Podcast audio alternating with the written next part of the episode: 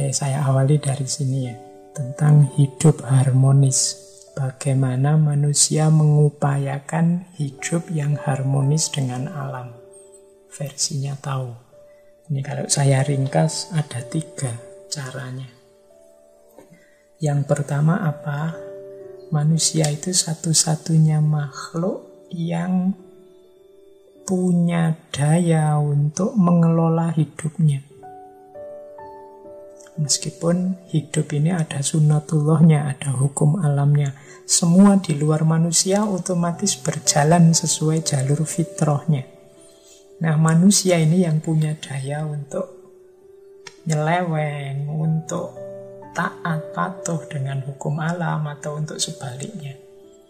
Oleh karena itu, manusia yang sadar akan hakikat hidupnya harusnya banyak mengambil waktu untuk kontemplasi. Jadi kontemplasi ini dalam rangka menyadari bahwa hidup ini sebenarnya sudah ada mekanismenya sendiri. Termasuk hidupnya manusia. Kalau bahasa kita kemarin, kita ini ada fitroh-fitrohnya. Kadang-kadang kita keluar jalur karena terlalu banyak mikir, terlalu banyak ngomong, terlalu banyak menganalisis macam-macam kita merancang sendiri hidup di luar rancangan yang alami. Maka katanya Lausu, ayo sekali-sekali kontemplasi, bahkan lebih banyak kontemplasi lebih baik. Ketika pikiran kita menjadi diam, seluruh alam semesta akan menyerah menjadi diam itu. Jangan terlalu banyak merekayasa jadi hidup secara alami. Segala sesuatu ada waktunya, ada prosesnya. Makanya ada quotes yang terkenal juga dari Lausu, alam tidak terburu-buru, namun semuanya tercapai. Jadi apa-apa ada prosesnya. Kita kadang senang, kadang susah, kemudian kita jadi lebih bijaksana, kemudian tumbuh hubungan yang baru dengan orang lain, macam-macam peristiwa dalam hidup, yaitu semuanya ada jadwalnya sendiri. Kadang-kadang manusia yang terburu-buru, ingin cepat sukses, ingin cepat berhasil, ingin cepat diakui, ingin cepat populer, terburu-buru semacam ini, ini nanti jadi sumbernya kesulitan hidup, kesusahan hidup. Semua ada jadwalnya sendiri-sendiri. Sebagaimana kapan daun tumbuh, kapan dia gugur, kapan bunga mekar, kapan buah berbuah, dan seterusnya. Jadi jalan untuk hidup harmonis adalah pahami jadwalnya masing-masing. Segalanya ada waktunya, ada prosesnya. Jangan terburu-buru. Alam tidak terburu-buru, namun semuanya tercapai. Air itu nanti pada akhirnya berakhir di laut, dan dia berjalan sesuai prosesnya. Tidak kesusu juga tidak melambat-lambatkan diri. Mengalir saja sesuai prosesnya. Senang, susah, kita keliru dan mencari benar lagi dan seterusnya. Semuanya ada proses, ada jadwalnya sendiri. Hari ini kita mengalami pandemi, kesulitan hidup yang agak luar biasa. Mungkin memang sudah jadwalnya sesuai proses yang kita alami selama ini. Kenapa kita panen virus hari ini? Ya mungkin proses yang kita jalani mengarahkan kita pada munculnya peristiwa pandemi ini. Mungkin kita yang tidak bersih, mungkin kita yang membuat polusi-polusi dan lain sebagainya. Ya sekarang kita rasakan efeknya semacam ini. Jadi maka orang yang bijaksana, orang yang memahami mekanisme alam segalanya sudah ada waktunya. Terus itu yang pertama. Yang kedua, untuk kita hidup nyaman, harmonis, selaras adalah terbuka, mengosongkan diri. Manusia itu punya ciri yang sibuk dengan pikirannya. Isi pikiran kita itu selalu penuh macam-macam. Kadang-kadang hal-hal yang tidak penting, hal-hal yang apa tidak ada gunanya juga numpuk di kepala kita.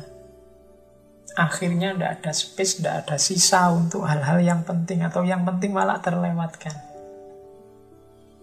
Maka penting kita mengosongkan diri, menyingkirkan isi kepala yang tidak penting, tidak penting, yang sembrono, yang merusak, yang tidak ada gunanya, yang iseng saja. Sehingga yang penting-penting bisa masuk. Yang utama-utama bisa masuk. Katanya Lausu, kegunaannya pot berasal dari kekosongannya. Kosongkan dirimu dari segalanya dan biarkan pikiranmu menjadi tenang. Jadi untuk hidup yang harmonis kita ini harus terbuka, mau mengosongkan diri. Karena kalau pikiran kita kosong itu kan banyak hal-hal yang manfaat bisa masuk. Sementara hari ini kita terlalu sibuk dengan ambisi kita, dengan kecemasan kita, dengan macam-macam hal dalam hidup kita yang menyusahkan kita sendiri. Maka ayo itu kita kita bersihkan, kita kosongkan. Kemudian yang manfaat-manfaat kita masukkan. Kalau dalam bahasa sufi ada istilah taholli kalau sudah takholi, pembersihan baru takhali, pengisian dengan yang baik-baik. Justru sebagaimana pot, dia bermanfaat ketika kosong. Ketika diisi macam-macam sudah tidak ada gunanya lagi. Ketika dia kosong, dia bisa bermanfaat untuk banyak hal. Tapi begitu ada isinya, yang manfaatnya hanya tentang isinya itu pot itu kalau dia kosong, dia bisa dibikin macam-macam. Mungkin bisa dipakai naruh tanaman, bisa dikasih air untuk minum, bisa macam-macam fungsinya. Tapi begitu kita kasih tanah, ya dia hanya berguna untuk yang berhubungan dengan tanah. Begitu kita kasih air, dia berguna hanya untuk yang berhubungan dengan air. Di luar itu tidak bisa dipakai. Maka sebagaimana pot, pikiran kita juga begitu. Begitu kita isi A, Padahal dia punya potensi A, B, C, D, E, begitu isinya A, ya sudah, A itu selesai mengisi diri kita. Kemanfaatan hidupnya hanya seputar A saja. Maka Lausu menasehatkan ya sering-sering bersih-bersih. Dipilihi mana yang tidak penting yang ada di kepala kita. Hari ini kan kita sibuknya menghadapi gempuran yang menyerbu kepala kita lewat medsos, lewat internet, lewat macam-macam. Kadang-kadang juga tidak ada pentingnya. Ayo kita bersihkan biar ada space kosong, bahkan biar banyak space kosong. Di balik space kosong itu ada ketenangan dan ada potensi kemanfaatan yang luar biasa. Kemudian yang ketiga, hidup harmonis itu berhubungan dengan kemauan kita untuk tidak diikat oleh ego kita. Jadi katanya Lausu, ketika saya melepaskan diri saya, saya akan menjadi seperti apa yang semestinya.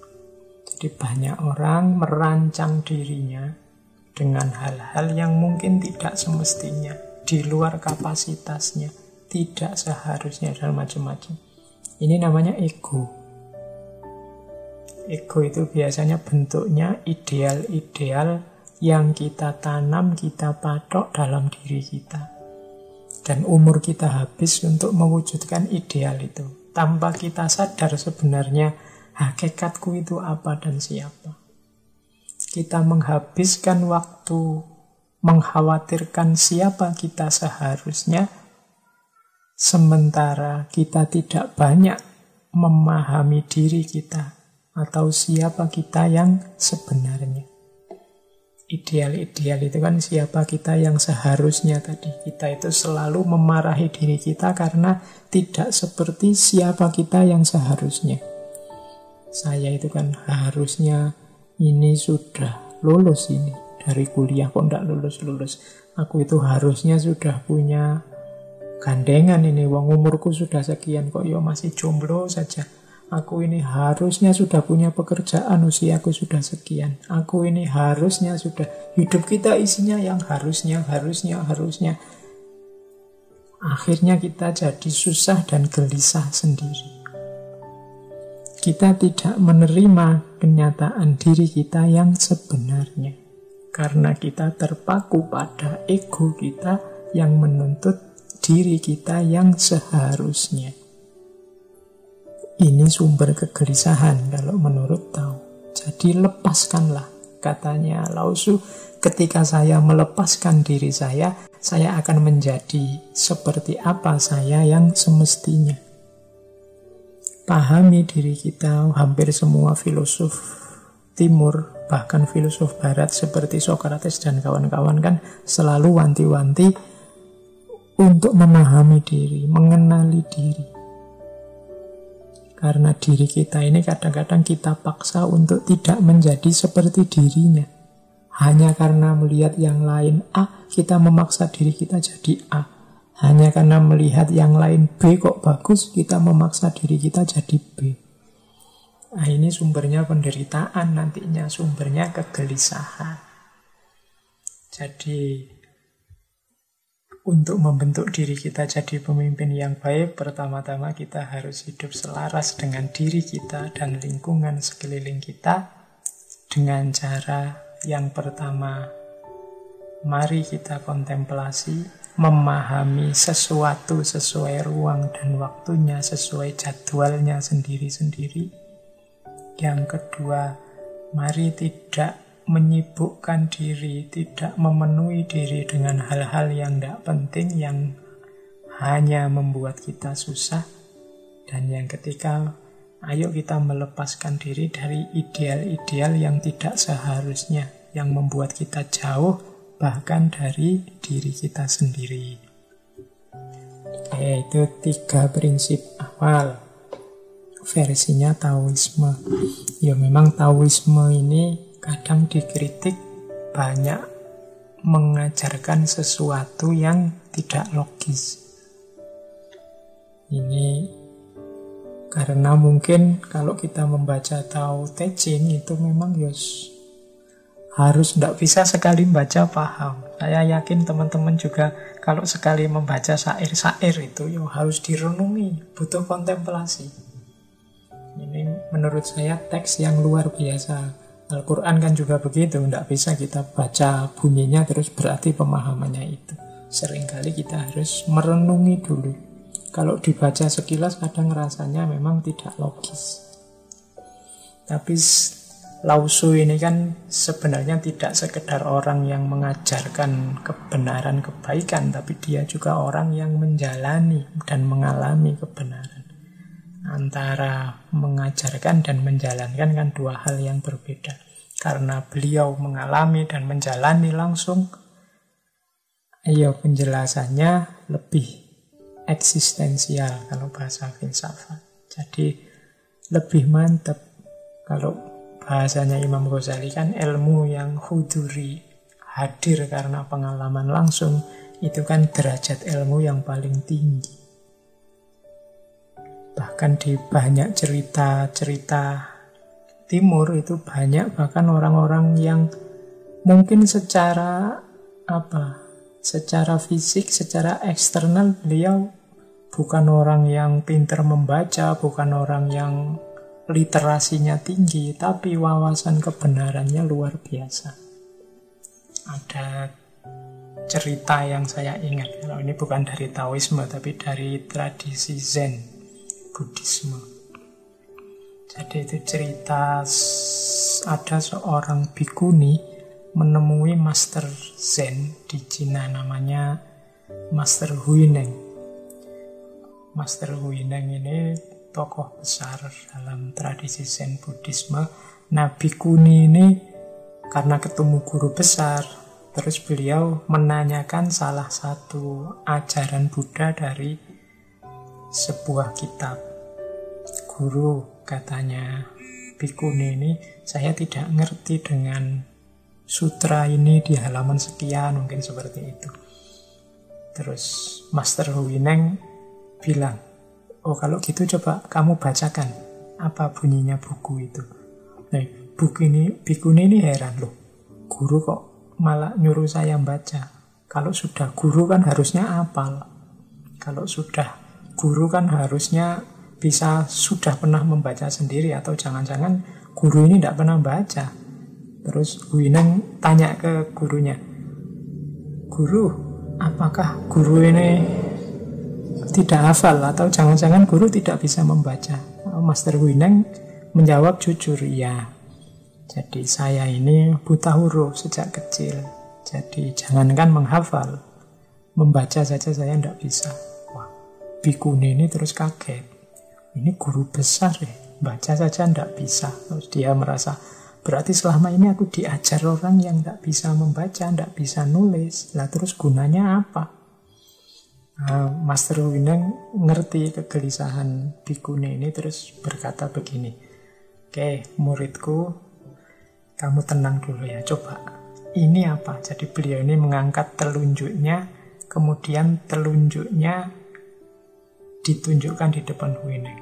Ini apa katanya si Master Wineng kepada muridnya. Kata bikuni murid tadi, oh itu adalah jari telunjuk guru. Kemudian Master Wineng menunjuk ke bulan. Nah kalau itu apa? Oh itu adalah bulan. Jadi jari telunjuk menunjuk ke bulan, kemudian bikuni tadi noleh ke bulan, kemudian oh iya itu bulan. Terus Master Winning berkata, kalau aku tidak menunjuk dengan telunjukku ini, apakah engkau bisa melihat bulan? Telunjuk adalah kitab dan semua ajaran yang ada di dunia. Sementara rembulan adalah kebenaran muridku, aku sudah bisa melihat rembulan tanpa bantuan telunjuk. Kalau engkau bagaimana?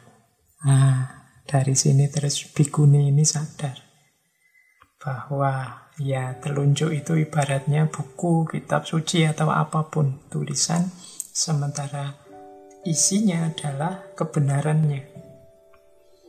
Nah, Kadang-kadang kita ini terlalu bersandar pada telunjuk sehingga melupakan rembulannya.